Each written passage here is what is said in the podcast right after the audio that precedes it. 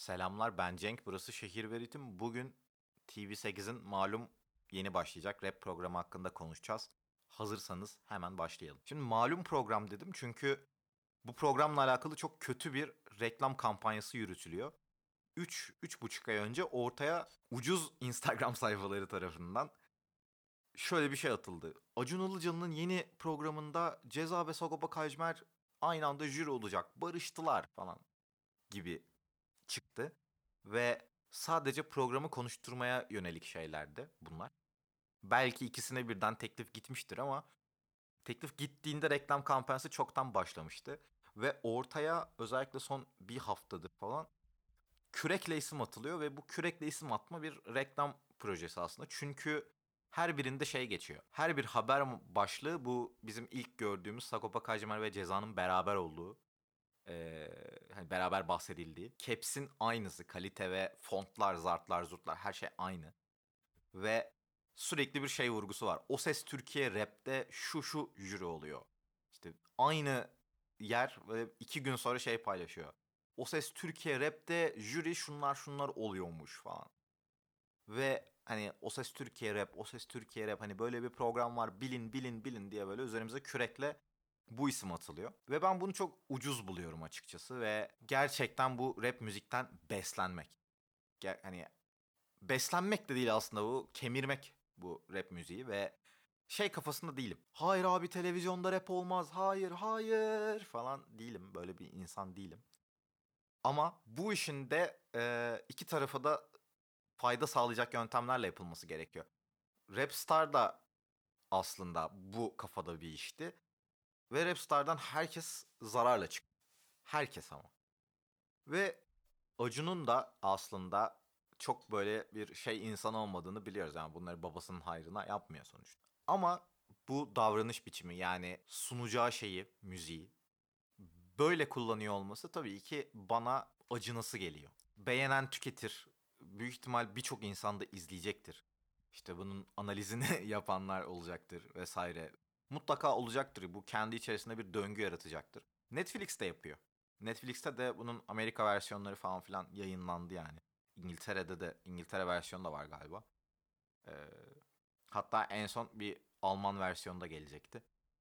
Ama buradaki problem şu. Reklamın iyisi kötüsü olmaz konusunda ben katılmıyorum. Buna çok karşıyım. Reklamcılığın da aslında meslek olarak bayağı kötü bir meslek olduğunu düşünüyorum. Çünkü insanları manipüle ediyorsun ya aslında bu ve bu kötü bir şey. Yani ikili ilişkide yaparsan iyi bir cevap alamayacağın, e, iyi bir tepki alamayacağın bir durumda sen bunu kitlelere yapıyorsun ve buna meslek diyorsun. Etik sınırlar içerisinde bu bir meslek ama etik ve ahlak sınırlar içerisinde. Ama Acun'un yıllardır yaptığı şey bu değil. E, Acun'un dizilerinde de şey oluyor ya. Twitter'da mesela sağda böyle alakasız bir şey görüyorsun. İsim görüyorsun böyle bir şeyin ismi. Tıklıyorsun ve böyle kim olduğu belli olmayan hesaplar işte dizinin ismi virgül işte Barış diyelim o karaktere.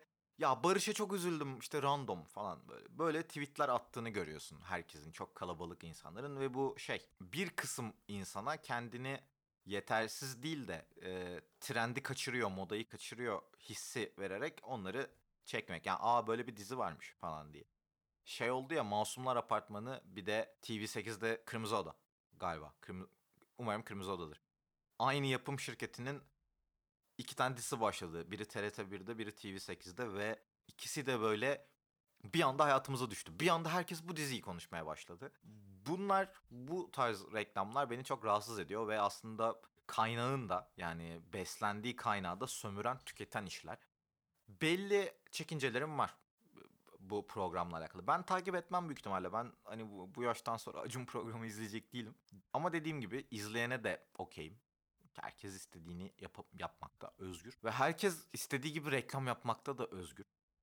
Herkes istediği gibi program düzenlemekte de özgür. Ama burada yine Barış Akpolat kitabı meselesine geliyoruz. Ne bu Barış Akpolat kitabı meselesi? Ezel kitabı yazıldığında bunu Teoman Karadeniz şöyle savunmuş. Bu kültüre yarar sağlayacak bir şeydir falan diye. Rap müzik bunları geçti ya. Yani rap müziğin artık ya da trap müziğin ya da afro trap'in Türkiye'de Acun Ilıcalı'ya gerçekten ihtiyacı var mı? kim kimden besleniyor? Bu kültürün e, Instagram'da şey gördüm. Tırnak içinde kültürümüzü böyle yükseltecek şeyler. Oğlum bu bu müzik artık daha nereye yükselecek? Miraca mı çıkacak abi?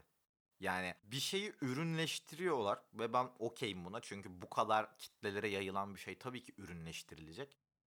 Ama bunu romantize etmeyi çok ezik psikolojisi buluyorum, eziklik buluyorum ya. Gerçekten şey olabilir.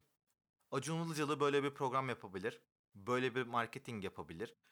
Ee, herkes istediğini yapmakta. Özgür isteyen jüri olur. Ben bu arada jüri olacakları da şey olmayacağım ya. Kültürü sattınız ulan falan demeyeceğim. Çünkü özgür bir ülkede yaşıyoruz. Ve sonuçta gerçekten öyle düşünüyor olabilirler. Evet bu rap müziği kalkındıracak falan. Bayındırlık bakanı gibi düşünüyor olabilirler. Okey. Ama bunu şöyle aklanmasına ben tilt oluyorum. Bu kitap Türkçe rap'e yarar sağlayacak. Ya ya da bu program Türkçe rap'e yarar sağlayacak. Yani abi biz geçtik onu. Yani Kovalı filmi Türkçe rap'i kalkındırmayacak. Çünkü büyük ihtimal Kovalı filminin umursadığı son şey Türkçe rap'in geleceği. Hani abi 3 ay içerisinde parayı vuralım, işte koyduğumuz ana parayı alalım ve çıkalım. Budur. Acun Ilıcalı'nın da aradığı şey rapçiler arasında tartışma çıksa, beef çıksa, benim program konuşulsa falandır. Çok biz duygusal bir milletiz ya her şeye çok derin anlamlar yüklüyoruz. Ya da büyük beklentiler içine giriyoruz. Takımımıza biri transfer oluyor. Hemen o takımın bütün çehresinin değişmesini istiyoruz falan filan. Ee, bu programın romantize edilişi de bu yüzden yani. Romantize değil aslında da şey. E, kültürümüze katkı işte kültürümüzün böyle yükseldiğini görmek falan hani. Yani abi gerçekten orada mıyız ya? Yıl 2009 falan mı? Seremoni Efendisi önümüzdeki ay mı çıkıyor? Hani neler oluyor bu hayatta? Ah bu rüya bir gerçek olsa yani. Ama öyle olmuyor. Büyük şirketler veya büyük medya patronları böyle çalışmıyor yani. Aydın Doğan'ın 28 Şubat'ta umursadığı son şey gerçekten Türkiye'nin selametiydi. son şeydi büyük ihtimalle gerçekten. Ve Acun Ilıcalı da tabii ki siyasi bir e, figür değil kendisi. Ama hani hakikaten şey mi Acun Ilıcalı? Abi ben Türkçe rap'e çok üzülüyorum. Hani böyle pes oynuyor falan evde böyle. Ben Türkçe rap'e çok üzülüyorum. Hiç televizyonda görünmüyor Türkçe rap. Ben Türkçe rap'i televizyonlarda tanıtmalıyım insanlara. İşte falan böyle, bir şey mi gerçekten ya? Böyle böyle olabilir mi sizce? Acun Ilıcalı'nın beklentisi bu mu? Hayır değil abi diyor. Diyor ki ben bir şey olarak marketing anlamında ya da kanalımın işte reytinglerinde şu şu yaş grubundayım ama şu şu yaş grubuna doğru da gitmem lazım. Ve mikrofona vurdum. Acun Ilıcalı değil ama ben vurdum. İşte şu gruba da gitmem lazım. E bu grup neyi takip ediyor? Rap müziği takip ediyor. Getir abi falan diyor yani. Gerçekten Acun Ilıcalı evinde kendine mi paralıyor? Rap müzik ulan gelişsin bu rap müzik falan mı diyor yani. Hayır demiyor öyle bir şey. Diyebilir mi ya öyle bir şey? Hani gerçekten insanlar galiba para kazanmayınca falan böyle oluyorlar. Mesela Acun Ilıcalı bir anda gömüyor parayı anladın mı? Çünkü seviyor falan. Gerçi Acun Ilıcalı'nda o potansiyel var biraz yalan olmasın. şey bu sihirli annemi çekiyormuş ya kızı izliyor diye. tamam ama orada da bir şey var. Sonuçta sihirli annemin bir kitlesi var. İşte adam streaming şeyi açıyor. Sitesi açıyor. Sistemi açıyor. Servisi açıyor sistemini. Servisi açıyor falan. Hani tamam espri olarak evet biraz gerçekten şey gibi duruyor herif. Ee, komik bir hayat yaşıyormuş gibi görünüyor. Ama bu hayatın içerisinde böyle hesaplamalar da var ve böyle hesaplamalar yapmadan da e, spiker olarak, spor spikeri olarak başladığınız bir hayatta şey olmuyorsunuz. E, televizyon sahibi olmuyorsunuz. Kimse size böyle şeyler vermiyor hani. Abi sen gerçekten çok matrak adamsın ve çok iyi PlayStation oynuyorsun. Al bu da TV8'in anahtarı demediler herife sonuçta. Herif ya o ben şeyi hatırlıyorum var mısın yok musun da bile seçilen her yarışmacı belli bir grubu temsil ediyordu. Amerika'daki şey muhabbeti gibi işte. Ama süper kahraman dizisi çekeceğiz ama içinde bir tane zenci, bir tane eşcinsel olsun. İşte şu olmaz, şey Meksikalı olmazsa Hispanikler bizi e, izlemez falan kafasının Türkiye versiyonu Acun Ilıcalı. Ve triggerlanıyorum gerçekten. Hakikaten triggerlanıyorum. Çünkü ya Acun Ilıcalı'nın rap müziğe bir katkı sağlaması falan 2009 olsaydı, 2010 olsaydı okeydi yani. E, Ramiz Ramiz için 50 Cent'te getirdi sözde anladın mı? Ramiz için yani Ramiz albüm yapacaktı falan. Çi yaptı ne oldu Ramiz? Yani anladın mı? Progr pro o programla alakalı herkesin aklına son kalan şey Ramiz herhalde. Yani büyük birçok insan da hatırlamıyor. Ve bu romantizm işini bırakmamız gerekiyor. Hani kültürümüz, müziğimiz falan. Oğlum manyak mısın ya? Git 2020 listesine bak bakayım Spotify'ın. Rap müzikten başka bir şey var mı? Git herkesin şeyine bak. En çok kim... Her yere ezel oğlum. Her yer ezel yani.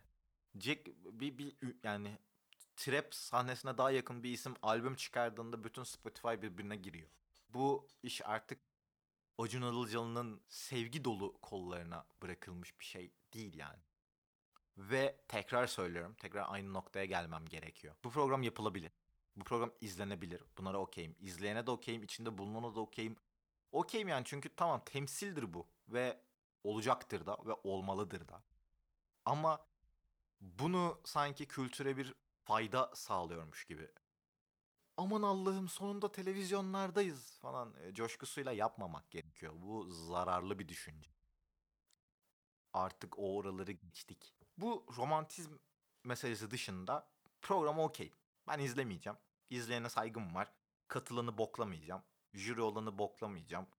Beni alakadar etmiyor. Yani herkes istediğini yapabilir. Kültür ne yükselir dediğim gibi böyle bir şeyle ne de düşer.